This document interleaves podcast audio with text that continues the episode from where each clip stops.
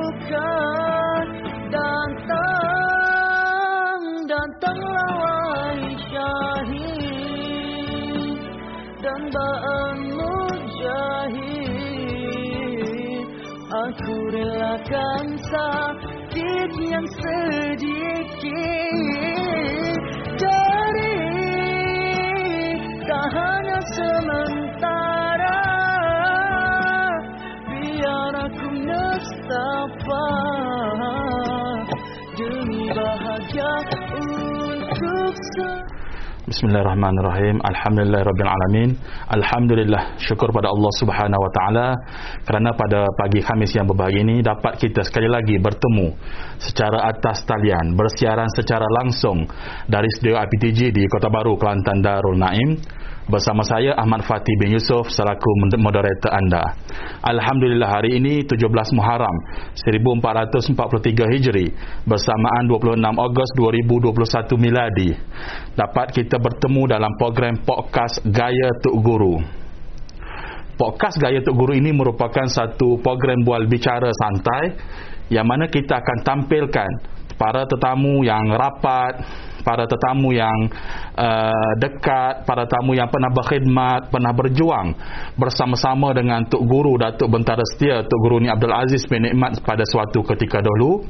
Untuk mereka bersama-sama berkongsi kisah mereka, untuk sama-sama berkongsi kenangan-kenangan mereka dengan kita semua. Yang mana kita bertujuan bukan sekadar untuk uh, mengenang Tok Guru tetapi lebih daripada itu kita mahukan apa kebaikan yang ditunjukkan yang dicontohkan oleh Tok Guru itu dapat kita ambil dan dapat kita lakukan benda yang sama dapat kita ambil pengajaran yang dapat kita uh, ambil contoh menjejaki langkah-langkah Tok Guru. Jadi sebelum kita teruskan dengan tetamu kita pada hari ini, uh, sudilah kiranya para penonton di luar sana dapat like, komen dan share secara langsung kita pada pagi ini supaya uh, lebih ramai lagi yang dapat manfaat uh, kepada orang-orang yang di luar sana. Jadi untuk siri ketiga pada hari ini. Siri pertama kita bersama dengan menantu Tok Guru Profesor Madya Dr. Ni Yusri bin Musa yang memberikan gambaran secara sepintas lalu berkenaan Tok Guru daripada awal awal kelahiran sehinggalah kepada ke pemergian ke rahmatullah dan pada siri yang kedua minggu lalu uh, kita bersama dengan anak Tok Guru itu Puan Ni Amalina membicarakan bagaimana uh, Tok Guru sebagai seorang ayah dan untuk siri ketiga pada hari ini kita bersama dengan salah seorang cucu Tok Guru uh, itu uh, Encik Nik Muhammad Talhah bin Ahmad Fakruddin yang akan berkongsi pandangan beliau berkenaan seorang atuk, seorang datuk daripada pandangan uh, beliau. Tok Guru sebagai seorang datuk. Jadi uh, bersama-sama dengan saya di studio pada hari ini ialah Encik Muhammad Talhah bin Ahmad Fakruddin uh, cucu pada Tok Guru. Uh, selamat datang ke studio PTG dan terima kasih kerana sudi bersama-sama dengan kita pada pagi ini. Uh, terima kasih sama-sama. Alhamdulillah. Uh. Jadi uh, sebagai awalnya lah Encik uh, Talha untuk membuka bicara pada pagi ini uh, boleh Encik Talha uh, uh, apa, memperkenalkanlah diri Encik Talha ni. Dari segi daripada awal dari segi uh, pendidikan, kerja dan sebagainya lah. Silakan. Okey insyaAllah. Auzubillah minasyaitanirrajim Bismillahirrahmanirrahim. Alhamdulillahirrabbilalamin Wassalatu wassalamu ala ashrafil anbiya wal mursalin وعلى آله وصحبه أجمعين قال رب اشرح لي صدري ويسر لي أمري واحلل عقدة من لساني يفقه قولي Pertama sekali Amba nak ucapkan terima kasih ah, atas Sama. jemputan atas, atas jemputan untuk hadir ke majlis uh, ah, IPTG ke program program apa podcast Gaya Tok Guru. Podcast Gaya Tok Guru terima kasih kepada pihak moderator, pihak FPTG dan dan sebagainya lah. Okey, um, ambanya diberi nama, uh, diberi nama Nik Muhammad Talha bin Ahmed Pakarudin. Ambo lahir pada tahun 84 1984 September, bulan September di Pulau Melaka. Uh, maknanya ambo lahir di rumah uh, almarhum ayah almarhum Tokku uh, maafkan ambo dah sebab ambo bahasa ke tokku ni Aha. ayah. Cucu-cucu lain bahasa tokku? Cucu-cucu lain ni bahasa tokku. Mungkin pada masa tu ambo maknanya peringkat awal ni cucu tak ramai. Jadi hmm. kita duk bersasan biasa dengan dia orang duk panggil ayah kita pun panggil ayah. Ha. dia pun duk bahasa ataupun bahaskan diri dia tu ayah. Ha, macam nenda tok, ha, macam cik pula cucu-cucu lain cucu, panggil nenda kita kadang-kadang tersasar juga duk bahasa dengan dia biasa lama panggil dia cik. Jadi duk panggil dia cik. Siapa siapa kali ni duk panggil cik juga. Ha, kalau orang yang nak, nak balik mana ni? Nak balik pulang Makkah nak jumpa ayah dengan cik. Ha. Ha, duk biasa sebab duk mungkin besar sekali. Ha, ataupun duk dengar pok-pok dara mak dara duk panggil ayah. Cik kita pun ayah cik juga. Jadi maknanya cik Talha ni kira cucu sulung untuk guru? Cucu sulung. Ambo cucu sulung cucu sulung untuk guru. Okay, jadi pendidikan awalnya di Pulau Makkah tu sendiri di sekolah pasti. Hmm, pasti Pulau Melaka. Uh, jadi sehabis-habis di pasti tu amba amba balik ke Kuala Lumpur. Sebab Kuala Lumpur ni uh, mak dengan ayah hamba kerja denu uh, ayah hamba kerja denu mak hamba pun kerja denu hmm. jadi pendidikan sekolah rendah tu di Kuala Lumpur selama 4 tahun dari, daripada darjah 1 sampailah darjah 4 Lepas tu untuk tingkatan satu pendidikan menengah pula amba kelik balik Kelantan. Hmm sekolah di Mahat Muhammadi. Mahat Muhammadi. Ha, Mahat Muhammadi lelaki. Selama uh, selama maknanya selama 4 tahun juga. Pada waktu tu kena masuk peralihan setahun. Ha. Jadi habis di sekolah Mahat Muhammadi tu ambo sambung di matrikulasi account. Am, ambo ambil accounting. Hmm. Ha, jadi habis account ambo sambung lagi, ambo sambung di UiTM sapalah peringkat ijazah ambo habis ijazah uh, business marketing. Diploma di ITM ah uh, diploma di ITM pun ijazah di ITM ijazah di ITM lah kita di ITM juga. ITM di hatiku. Di ITM di hatiku. Uh, jadi uh, maknanya itu uh, itu bab pendidikan. Learning ambo kerja di salah sebuah maknanya selepas ambo graduate hmm. daripada UiTM ambo kerja daripada daripada hari pertama tu siapa lah hari ni dalam hmm. bidang otomotif. Otomotif. Otomotif. Buat kereta, buat gapo lah. Oh, jadi otomotif. Learningnya bekerja di salah satu salah sebuah company Jepun. Jadi orang nak, mungkin orang nak tahulah. Tak ni sebut cucu sulung dah. Mhm. Cucu sulung daripada anak tu guru hak mana? Mungkin boleh perkenal sedikit kata asal usul keturunan ke? Ah, okey. Aha. ha. Cucu sulungnya okey, mak amba ni Aini, anak sulung kepada uh, almarhum Tokku. Ah. Uh, almarhum Tok Guru ni. Jadi anak sulung Tok Guru bernama Nik Aini. Ni Aini. Merupakan ibu kepada Cik Talha lah. Ya saya. Ah. jadi- Jadi ada ada berapa adik-beradik Cik Talha? Jadi adik-beradiknya tujuh beradik. Tujuh Ah, beradik. Mak sulung uh, tujuh beradik ada. Dia uh, sudah berumah tangga, ber, Oh sudah berumah tangga dah. Saya sudah ber- berumah tangga. Uh, maknanya kahwin dengan berkahwin dan menetap di Kota Damansara. Kota Ah. Damansara. Mo- Anak Pak Ores anak ni alhamdulillah. Mana tak adakah anak tu sempat dengan Tok Guru ni? Cik cicit lah dah anak Cik Talha kira Ah, cicit Tok. Guru lah. Ah hak sempatnya hak sulung. Hak sulung. Ah, maknanya hak maknanya almarhum Tok Guru ni sempat tahnik lah dia sebab lahir hak sulung pun lahir di Pulau Melaka. Pulang Melaka juga. Uh, amba suruh apa suruh bini amba balik lahir dan Ah, Ah. okay. Tadi saya tertarik bila Cik Talha uh, berkongsi tentang latar belakang pendidikan saat ni lah. Hmm. Ambil kata uh, apa uh, account dan menyambung pelajaran di uh, UiTM lah. Hmm. Adakah menja- menjadi satu kebiasaan bagi keluarga Tok Guru ni? Biasanya kita tahu dari keluarga Tok Guru ni ramai ustaz, ramai pendakwah. Jadi adakah uh, keluarga bersetuju ke Cik Talha menyambung pelajaran dalam bidang hak kata bukan bidang uh, agama lah. uh, dia dia asal cerita dia gini sebab amba uh, habis lepas habis mahat tu amba bukan tak saya sambung uh, tak tak suka ngaji Arab ataupun tak suka ngaji agama cuma amba dari amba tengok dari sudut dari sudut keluarga tu sendiri background family arwah tok guru ni sendiri adik-beradik dia pun ramai dah ustaz ustaz Hmm. kalau kalau lelaki gak ustaz kalau tina gak ustazah ataupun suri rumah Hmm. jadi tengok ke pok-pok saudara hamba pun anak-anak dia sendiri ni pun uh, ustaz hak laki ustaz batu gak kalau hak tina gak ustazah suri rumah ataupun Hmm. suri rumah jadi bukan hamba nak buat kelainan cuma hamba rasa hamba nak pergi ke arah lain. Jadi mas pada waktu hamba nak minta dengan nak minta nak royak nak sapa dia gapo hamba nak tu takut juga. Sebab uh, Tokku ni kalau di, dia sebenarnya dia baik. Dia baik sangat. Mhm. cuma kita takut dia sebab sebab mimik muka dia tu. Sebab tu dia jangan cash check Ah. jadi bila kita pergi jumpa dia masa tu Ambo jumpa dia Ambo tanya ayah Ambo ayah uh, kita bahasa dengan dia kita better. Ah. uh, dia bahasa kita pun better to okey ayah uh, better. Ingat better tak saya sambung pergi pas Mesir Jordan tak saya Mhm. dia, dia tanya buat apa? Dia kata bukan betul tak saya ngaji agama. Bukan tak suka Arab. Tapi dalam keluarga kita ni tak ada lagi golongan profesional. Hmm. Ambo hek gitu dia. Dia dia pun tengok kambo dia tengok kambo patut kambo tengok dia dia dengung mata.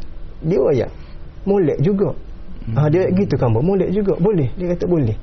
Ha, tapi ha, dia pesan. Tapi kena ingat agama kena duduk depan. Dia pesan gitu. Hmm. ha, sebab tokku ni tok guru al- almarhum tok guru ni bila dia kecek dia dia mengguna kias-kias. Dia dia suka berkias. Jadi kita kena faham sendiri pada teka tu kita tak faham kita mungkin kita susah nak digest. Gapo dia nak sapa sebenarnya. Mungkin muda lagi masa tu. oh muda muda lagi. Jadi bila dia royak tapi kena, tapi kena ingat agama kena duduk depan sebab gapo dia royak sebab asal kita celak mata aja agama dah nak tutup mata pun maksud nak tutup mata tu tidur Hmm. agama dah jadi kita ki- dia dia gitu. Jadi kita duduk lama duduk nunggu apa nak dia nak royak dia nak royak. Lepas tu baru kita faham. Mak, maksudnya maksudnya bila kita bangun tidur benda pertama sekali hak sunnah aja kan baca doa bangun tidur. Hmm. bila kita nak tidur kan hak sunnah aja kan doa tidur maknanya tu benda tu ada agama ha maknanya agama aja Hmm. ha, benda gitu dia nak siapa. Jadi agama tu kena depan dalam dalam segala sebi perbuatan kita nak buat ni udah agama tu kena duduk depan ha, jadi bila dia kita ambo suka dia kata dia kata dia Hmm. tanya ambo nak, nak jadi gapo profesional tu? Nak jadi profesional gapo? Pertama dia am- ambo dapat uh, kursus accounting. Hmm. tapi oh, setakat ni hak ni dia dapatnya matric uh, accounting. Tapi mungkin hamba tak sibuk accounting. Tapi kena pergi juga kena pergi dulu. Uh, dia kata tak apa boleh pergi Alhamdulillah. Jadi ambo sukalah. Jadi oh lega tak kena tak jadi ustaz lah makna orang tak panggil ambo ustaz lah. ha, gitulah. Kata Gitu. bukan kata tak saya jadi ustaz. Ah, bukan, Tapi maksudnya bukan. kadang-kadang kata Islam tu syumul. Betul, Ah, betul. Tak mungkin hati hati guru besar ni tu. Gapo-gapo kena letak ke Islam di hadapan. Agama kena duduk depan. Dalam apa segala perbuatan kita, agama ke depan. Dalam makanan jadi kata accountant accountant yang kata ya faham agama Betul. nak jadi pegawai pegawai ya faham agama nak Hmm. jadi ahli politik pun ahli politik yang faham agama nak jadi profesional pun profesional yang faham agama jadi nak jadi gapo pun jadilah tak ada masalah dari segitu Agama tu tak boleh pisah. tak boleh pisah Hmm, dalam apa saja perbuatan kita. Ah, jadi pisah. Okay.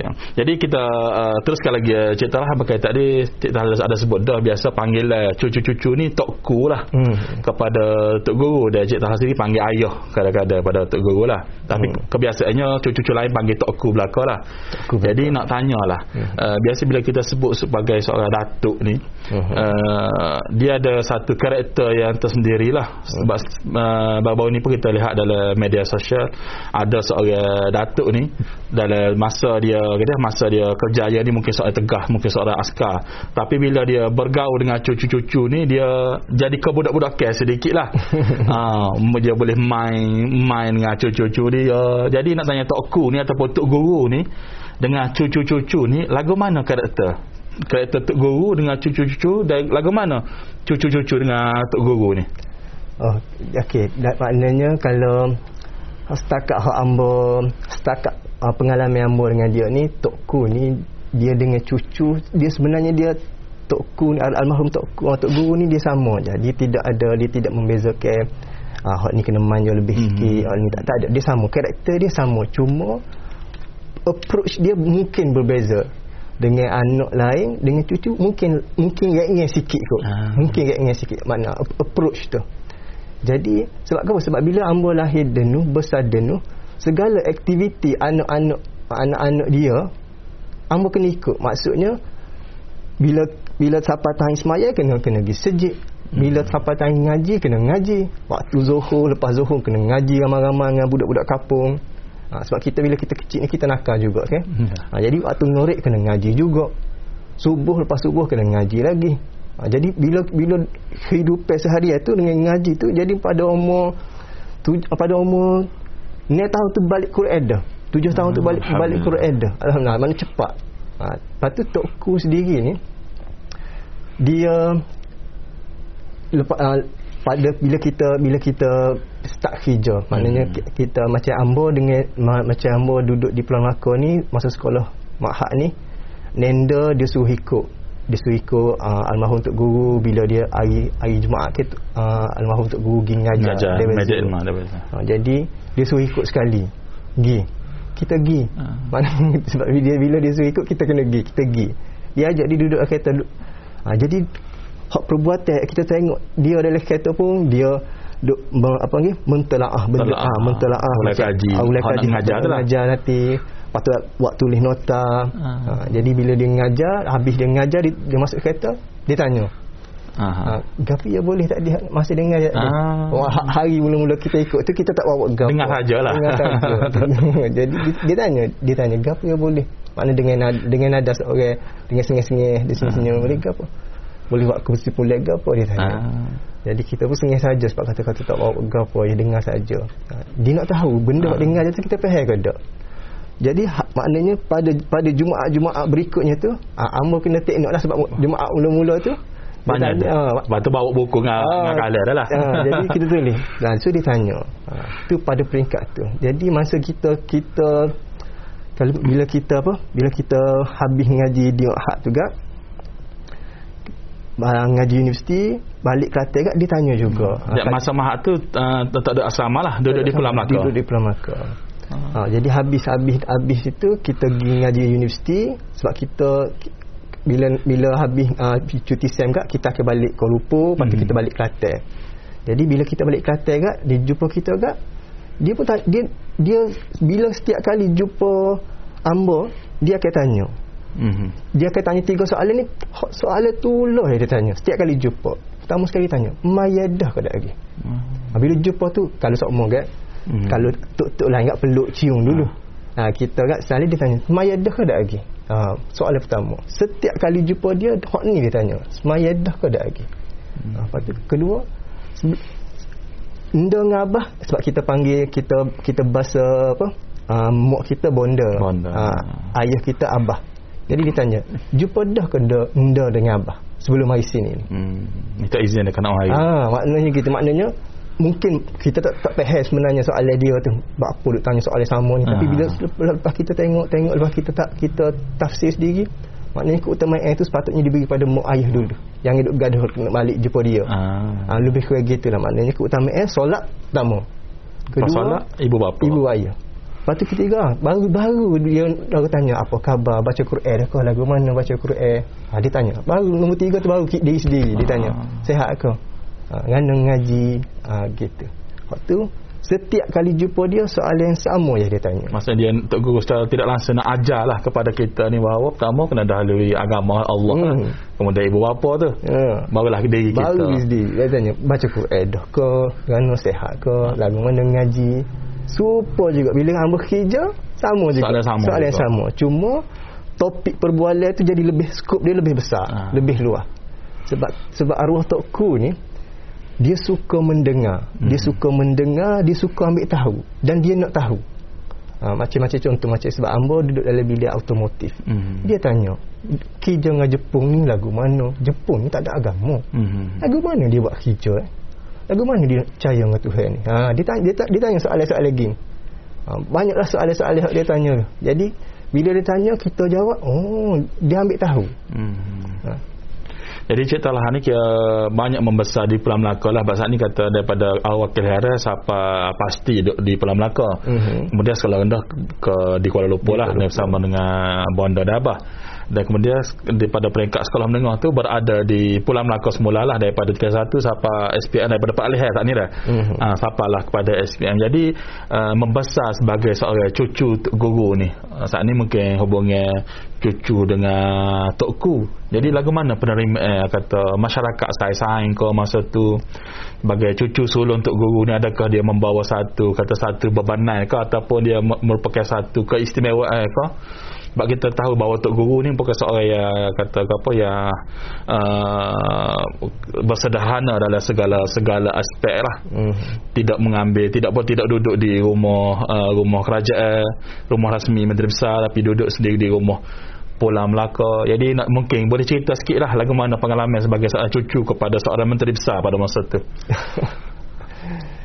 Allah Akbar.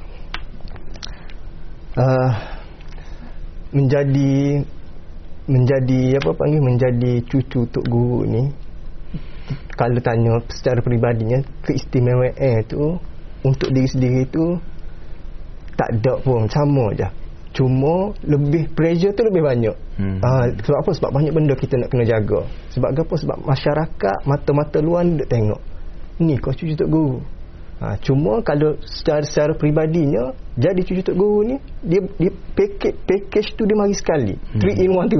Hmm. Ha, maknanya keistimewaan eh, orang orang sanjung. Sedang sanjung sebab apa? Sanjung sebab nama tok guru duk belakang. Ha, bukan sebab cucu, sebab tok guru. Sebab cucu ni boleh jadi cucu siapa-siapa aja. Tapi sebab tok guru ni satu image yang besar. Ada impact pada masyarakat tu tinggi. Jadi expectation pun ada pada pada anak beranak tok guru ni. Hmm. Tak sama ada anaknya, cucunya, mungkin cicitnya pun. Ha, impact impact daripada nama besar ni tok guru ni, image dia tu. Jadi disebabkan benda-benda ni jugalah um, benda ni bagusnya maknanya benda kesan positif pada diri ambo sendiri secara personal dia kita tarbiah diri kita sendiri. Di kita tarbiah diri kita sendiri eh to ni mu nak kena jadi baik ni. Hmm. Orang orang sanjung tinggi dah ni. Walaupun mu bukan ustaz, setengah orang panggil mu ustaz. Ha, sebab apa? Sebab nama tadi. Nama hmm. nama almarhum tokku tadi. Ha, jadi kadang-kadang masa-masa kita sekolah pun ambo ambo lebih suka tidak uh, tidak orang kenal sebab kita nak jadi diri kita Hmm. Kalau orang kenal jadi payah. Kita mana kita kita jadi apa panggil? Kita jadi nipu dengan diri sendiri. Kita berlakon, berlakon semata-mata. Hmm. Sebab apa? Sebab nak jaga nama punya fasa. Tapi macam bawa tadi, disebabkan benda tu kita jadi bagus dia, kita terbiah. Satu-satu satu terbiah untuk diri sendiri nak jadi baik ke arah kebaikan. Hmm. Walaupun walaupun di, walaupun almarhum tok dah tak ada, kita masih lagi mendidik diri kita untuk jadi baik. Jaga Sebab- nama ha, baik dia. Sebab apa nak suruh orang lain ikut benda kita buat. Hmm. Dan alhamdulillah benda tu berlaku pada diri hamba dan hamba masih mentarbiah diri lagi. Cuma hamba tak tak ada lagi satu tempat macam di tempat kerja hamba pun bukan semua yang kenal. Kita kita tak- tak bawa kita tak bawa image cucu tok guru tu hamba cucu tok guru tak ada. Cuma kita bawa diri kita tunjuk tarbiah orang lain. Okey benda ni betul benda ni tak boleh ha. Gitu. Sebab apa? Sebab didik, Hmm. didikan tadi. Didikan hak dia royak ha, benda ni molek, benda ni tak molek. Kita, kita bawa balik benda tu. Cuma tidaklah bawa image ah, saya ni cucu tok guru. Tak. Kata bukan nak guna nama tu Ah, guru. tak ada, tak ada. Ha, tapi bila orang kenal, kita tahu cucu tu guru, kita Oh. jagalah satu peringatan pada diri sendiri supaya jadi lebih baik. Betul, Sebab betul. beringat nak buat gapo-gapo kena beringat. Ha, nak jaga satu nama baik tu guru sendiri, nama keluarga sendiri ke apa lah. Hmm. Jadi uh, kata mungkin uh, bila membesar di Pulau Melaka ni mungkin banyak lah saat ni uh, mungkin Cik Talah sebut dah pasal sat, salah satu kenangan ikut Tok Guru pergi mengajar di kata media ilmu di Dewa Zoo Dewa mungkin boleh kongsi uh, lagi lah lain-lain pengalaman manis kau hak paling teringat kau dengan dengan Tok Guru ni uh, kata lama duduk di Pulau Melaka ni mungkin rapat dengan Tok Guru saat ni uh, pesan uh, kau dah pasal pesanan-pesanan tiga soalan hak Tok Guru selalu tanya mungkin ada lagi kenal-kenangan hak uh, Cik Talha boleh uh, kongsilah dengan apa, penonton kita pada hari ni Oh. Tuan moderator pun pandai duk korek soalan. Allahu akbar. Tengah jadi kuat ni. Hmm. Okey, uh, bila pada tika amba apa panggil remaja, saat remaja ni lah banyak-banyak kita berkomunikasi Hmm. secara tidak langsung. Sebab bila kita ikut dia, dia pergi bawa bawa apa di ngaji di tempat ngajar dia, lepas habis ngajar tu gak dia akan pergi ke masjid-masjid. Hmm. Daerah-daerah yang masjid yang berbeza untuk solat Jumaat. ah. Ha, makna habis habis dari Zul gak kalau masjid tu berdekatan dekat Kota Baru, dia akan balik rumah dulu rehat, lepas tu dia akan tubik pula untuk pergi solat Jumaat. Kalau masjid tu jauh gak daripada Dewa Zul tu dia akan terrugi lah. Kalau kau jeli jeli lah. Ah. Ha, kalau Maksudnya setiap minggu tu ma- masjid ma- berbeza Masjid yang berbeza.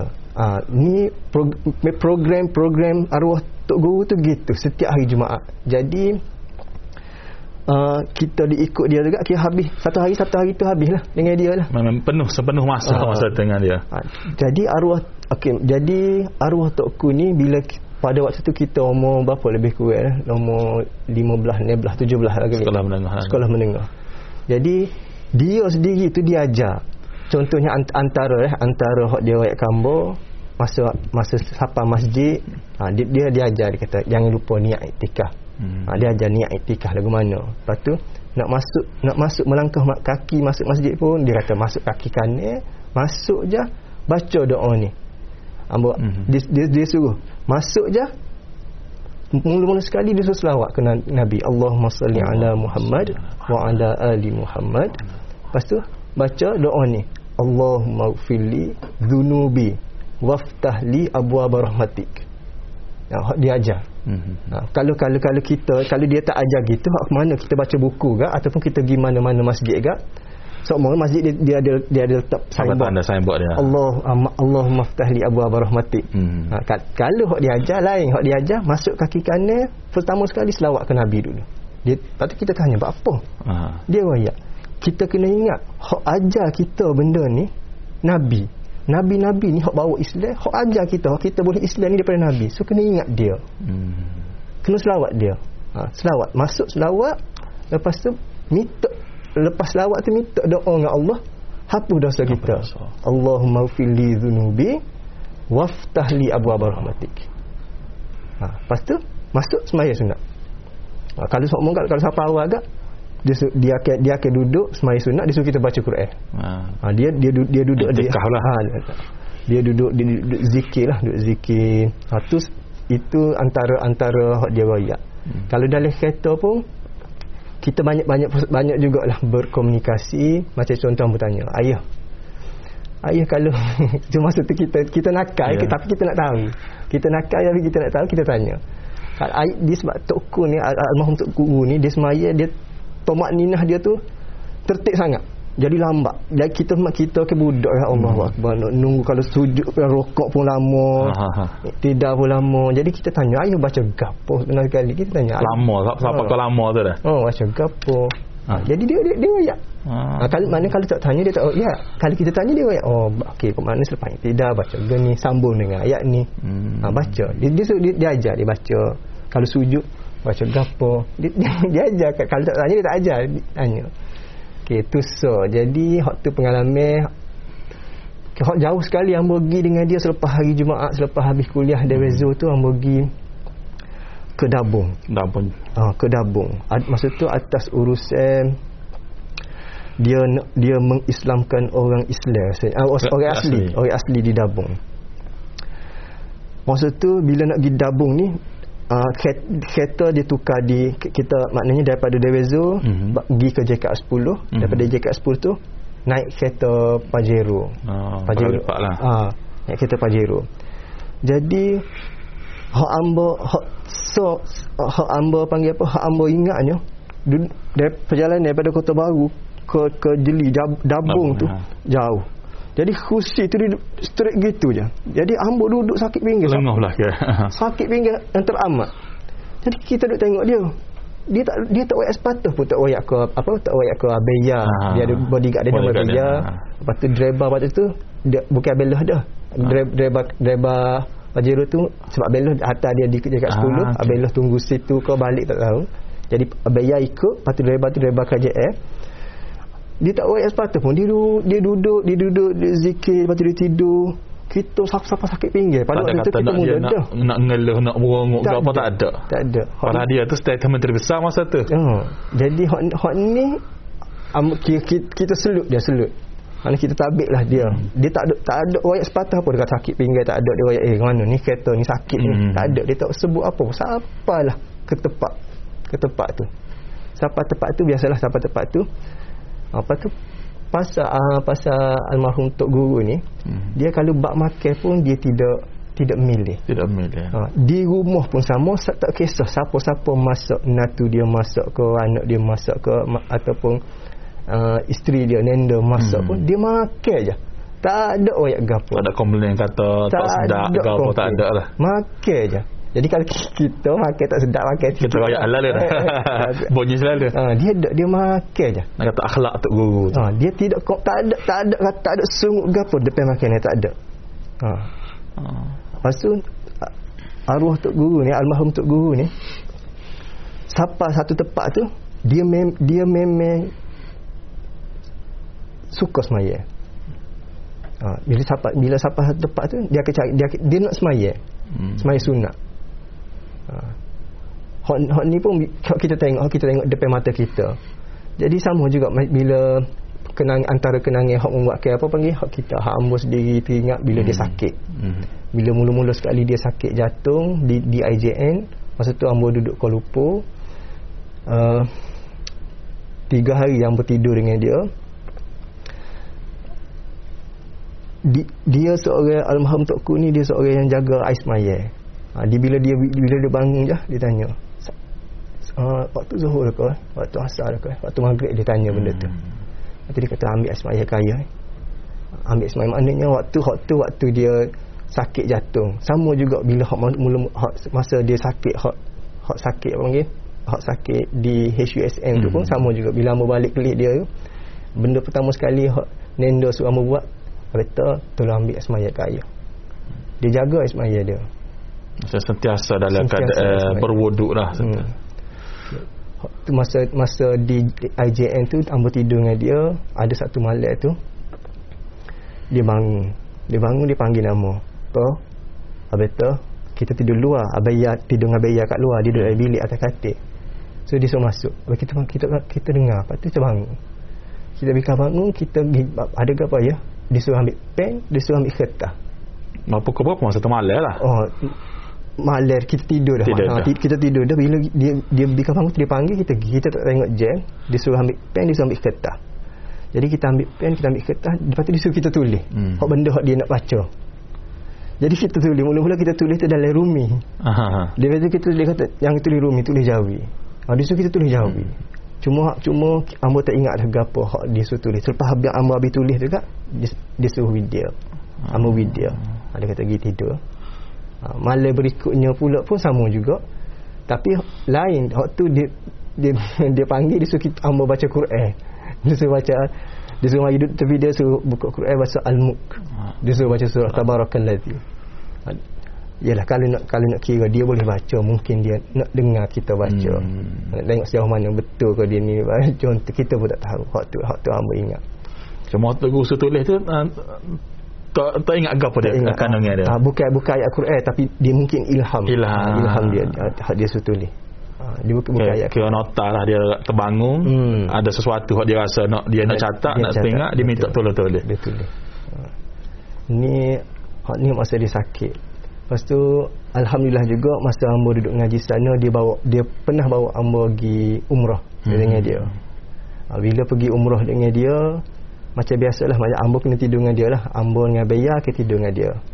Pada waktu tu dia dia tidak uzur sangat tapi dia masa tu dia naik wheelchair dah lah maknanya dia mungkin tak check up kot. Hmm. Ha, jadi waktu di Mekah di Madinah tu dia dalam keadaan dia sehat tapi dia mungkin tak tak check up. Ha, dia tak check up dia banyak duduk atas kursi wheelchair uh, di sama juga dia arwah arwah uh, almarhum tok ku ni tok guru ni bila dia bangun bila dia bangun untuk semaya dia akan geruk. Kita semaya sekali. Dia kata dia ajak semaya sekali. Tahajud. Dia akan geruk. Jadi sepanjang sepanjang sepanjang mana duduk di Mekah Madinah tu duduk dengan dia dia gerak memang semaya tahajud semua dia, dia, dia, sebab dia dia gerak ha. bangun bangun bangun bangun. Ha, gitu. Ha, mana tu tu satu. Lepas tu kedua sama juga dia akan uh, bila bila duduk di masjid di apa kita pergi masjid um, Nabawi hmm. bila kita pergi masjid Mekah tu dia dia suruh kita baca Quran duduk sebelah dia baca Quran dia duduk baca Quran juga lepas tu dia, dia zikir lepas tu dekat ni buat benda tu je hmm. ada satu hari tu dia dia naik awal dia kata dia tak cakap dia nak naik dia naik dia nak naik bilik kita bawa dia naik bilik lepas tu dia kita boleh rehat sekali hmm. dia suruh kita turun pergi pergi, pergi, pergi masuk sejid Madinah hmm. pergi masuk sejid etika baca Quran. Dia suruh baca Quran. Ha, tu hak ambo ingat dengan dia lah maknanya jadi kiranya kira Cik Talha ni kira bukan kata sekadar banyak kenangan-kenangan cerita-cerita tapi di tarbiyah ah, kata secara langsung dan tidak langsung oleh Tok Guru lah. Hmm. uh, maksudnya jauh daripada maksudnya daripada umur belasan lagi tu ikut dah Tok Guru pada hari Jumaat. Uh. uh, kata ber, kata ber, berjalan bersama-sama. Banyak kata mutiara-mutiara kata hak boleh hak mungkin Tok Guru didik. Mungkin kita pada umur belasan tahun mungkin tak berapa nak nak faham lagi. Uh, tapi tapi didikan Tok Guru daripada masa ke semasa tu membentuk uh, ada pada hari inilah uh, kata mungkin selain kenangan-kenangan hak kita rasa teringat kau Tok Guru tapi lebih penting kita rasa uh, tarbiah Tok Guru tu lah. Uh, mungkin beruntung kata Cik Talha mendapat tarbiah secara langsung. Mungkin daripada seorang uh, Tok Ku tapi juga sebagai seorang Tok Guru uh, yang di apa di dicontohi oleh rakyat negeri Kelantan. Jadi banyak. Jadinya uh, antara persoalan kita nak teruskan ialah Cik Talha. Uh, kata Tok Guru uh, tak ada dah lah. Nah, Tok Guru tak ada dah dia kata banyak uh, legasi hak dia tinggal. Sama dari segi pemikiran ada pentadbir kerajaan ada membangun bersama Islam. Hak siapa kali ni? Uh, kerajaan hari ni diteruskan oleh yang apa yang Amat Muhammad Datuk Bentara Kanan Datuk Ahmad bin Yaakob pun meneruskan. Uh, kata apa membangun Islam dengan merakyatkan merakyat membangun bersama Islam. Meneruskan legasi Tok Guru. Dan kita tahu di Pulau Melaka pun uh, sekolah Tok Guru uh, diteruskan oleh kata uh, keluarga Tok Guru diambil berat diuruskan. Jadi sebagai seorang cucu cucu orang kata. Uh, apa dia? Uh, lagu mana? Uh, untuk meneruskan uh, legasi Tok Guru ni bukan sekadar dalam kata dalam bidang dakwah sebab kata Cik Talha bukan mendapat pendidikan agama dari dekat menengah. Uh, kemudian menyambut dalam uh, bidang kata akauntan dalam bidang pentadbiran perniagaan. Jadi lagu mana? Untuk meneruskan legasi Tok Guru atas kapasiti uh, peribadi uh, Cik Talha sebagai seorang cucu ni. Ya Allah Akbar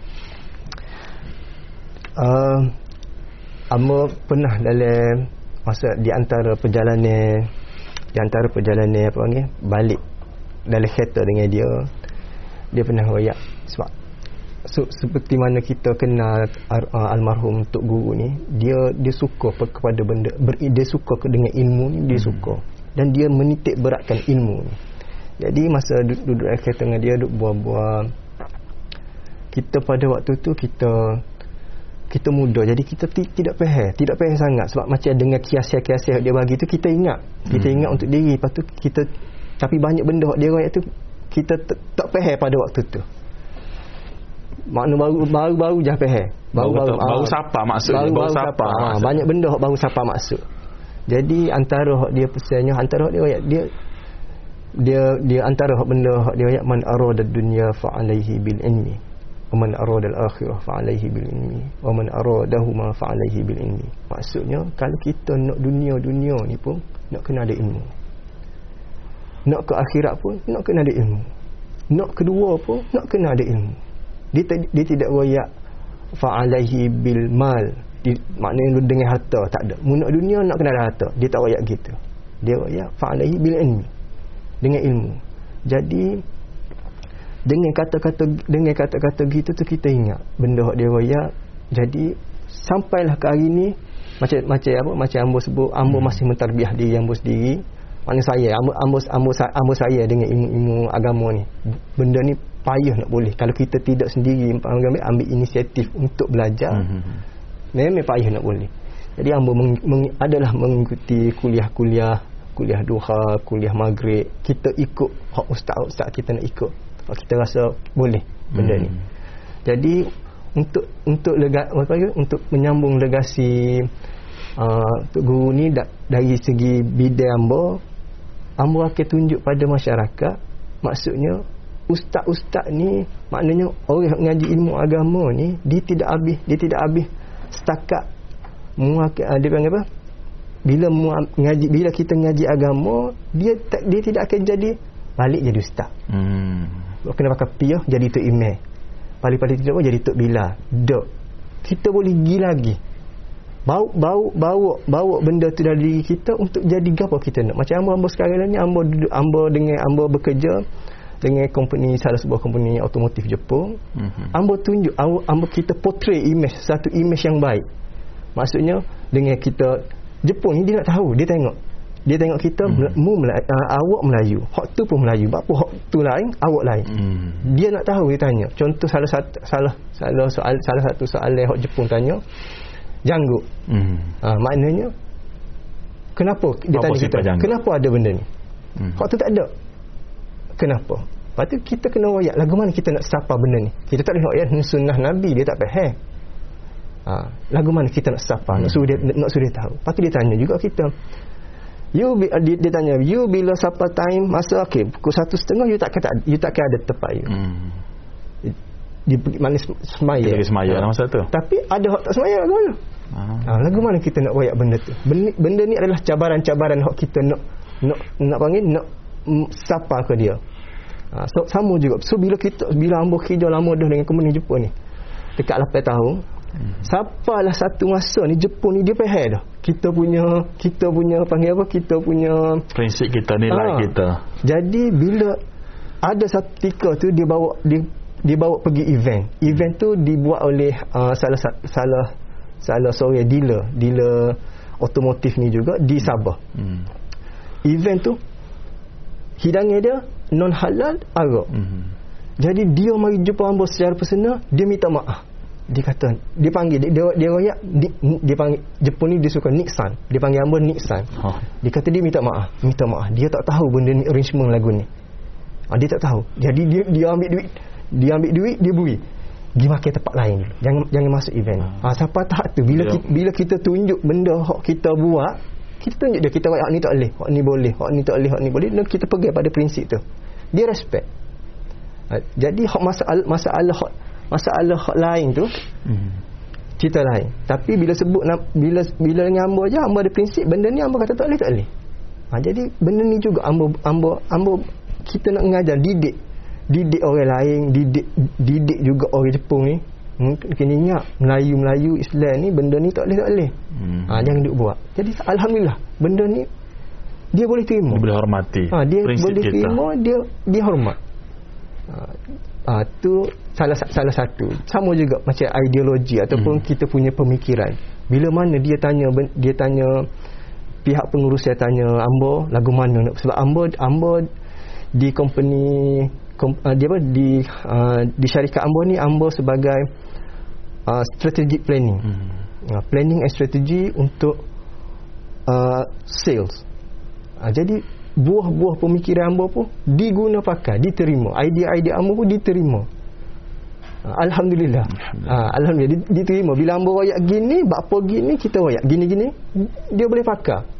Dia boleh terima. Sampai saat bukan mudah untuk bukan mudah untuk Pak panggil apa untuk kita convince ataupun meyakinkan puak-puak ni untuk terima untuk terima benda kita nak royak ni. Hmm. Apa kita nak gini.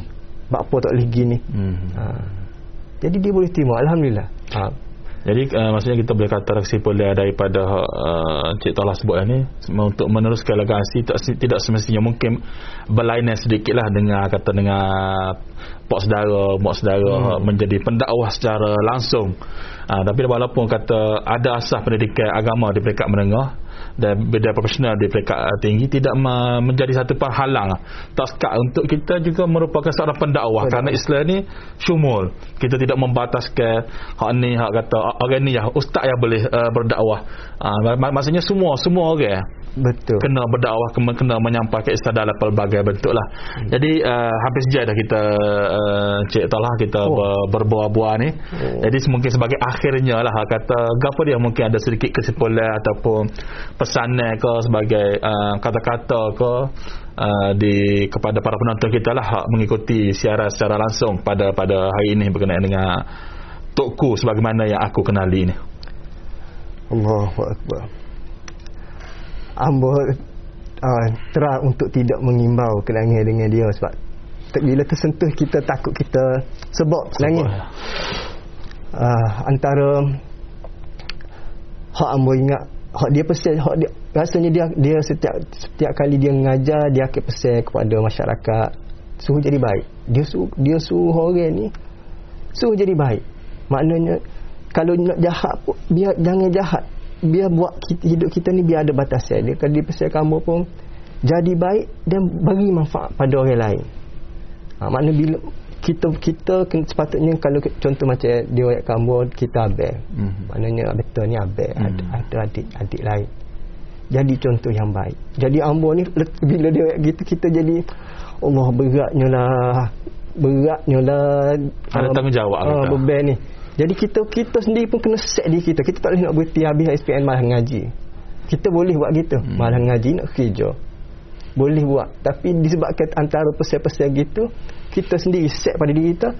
Amba ni, aku ni nak kena nak kena letak satu standard tinggi.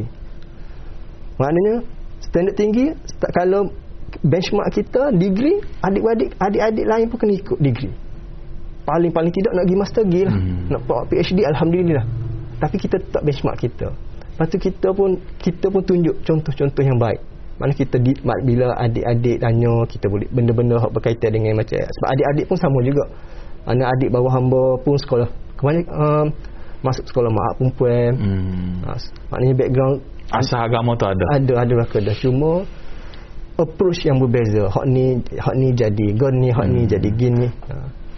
dia hak benda hak dia pasal So kok mana pun buat benda baik jadi baik beri manfaat pada orang lain. Hak tu dia pesan. Lepas tu tak ada apa lah maknanya maknanya kata-kata hamba pun hamba nak pesan benda dia pesan hmm. jugalah. Jadi baik, buat baik, beri manfaat pada orang lain. Insya-Allah. Ha, biar bermanfaat pada orang lain. Jadi uh, itulah Encik uh, Talha Saya nak cakap terima kasih kerana sudi bersama-sama dengan kita podcast Gaya Tuk Guru uh, Pada siri yang ketiga pada hari ini. Moga-moga apa yang Encik Talha uh, kongsikan dengan kita ni Banyak perkara lah. Hak boleh kita ambil ambil manfaat Hak boleh ambil contoh, ambil teladan. Seperti masa sebut saya sebut tadi bukan sekadar kita nak mengenal Tok Guru tapi hak lebih penting lagi untuk kita ambil contoh ambil teladan hak gapo Tok Guru pesan hak gapo Tok Guru buat dari segi akhlak untuk guru lagu mana dari segi cara untuk guru lagu mana gapo untuk guru suka gapo untuk guru untuk guru tak suka insyaallah menepati kehendak uh, Allah dan uh, Rasulullah sallallahu alaihi wasallam lah. Jadi itulah kita nak kita nak kita nak contohi kita nak uh, ikutilah. Uh, jadi sekali lagi saya ucapkan terima kasih kepada Cik Talha cucu sulung Tok Guru kerana sudi berkongsi uh, kenangan-kenangan kisah-kisah dengan Tok Guru. Jadi uh, kepada para penonton di luar sana uh, insyaAllah teruskan mengikuti siaran kita lagi pada minggu hadapan uh, hari yang sama hari Kamis masa yang sama 9.30 pagi. insyaAllah pada minggu hadapan kita akan bersama-sama dengan satu lagi legasi Tok Guru. Biasa sebut uh, Pulau Melaka ni sinonim dengan Tok Guru. Nak pergi mana nak pergi Pulau Melaka? Sekolah Tok Guru di Pulau Melaka. Jadi insyaAllah pada minggu hadapan kita akan berbicara mengenai uh, Pulau Melaka sebagai satu pusat pendidikan Islam meneruskan uh, legasi Tok Guru. InsyaAllah kita akan tampilkan uh, ahli panel yang yang lain uh, hari ini bersama dengan Cik Talha. InsyaAllah pada minggu hadapan kita akan bersama salah seorang lagi kata waris Tok Guru keturunan uh, Tok Guru yang akan berbicara mengenai Pulau Melaka sebagai pusat pendidikan Islam. Jadi itu saja daripada saya. Saya minta, uh, minta maaf sekiranya ada salah dan silap. Sehingga berjumpa lagi. Wabillahi taufiq wa hidayah. Wassalamualaikum Assalamualaikum warahmatullahi taala wabarakatuh. Waalaikumsalam warahmatullahi wabarakatuh. Tok Guru.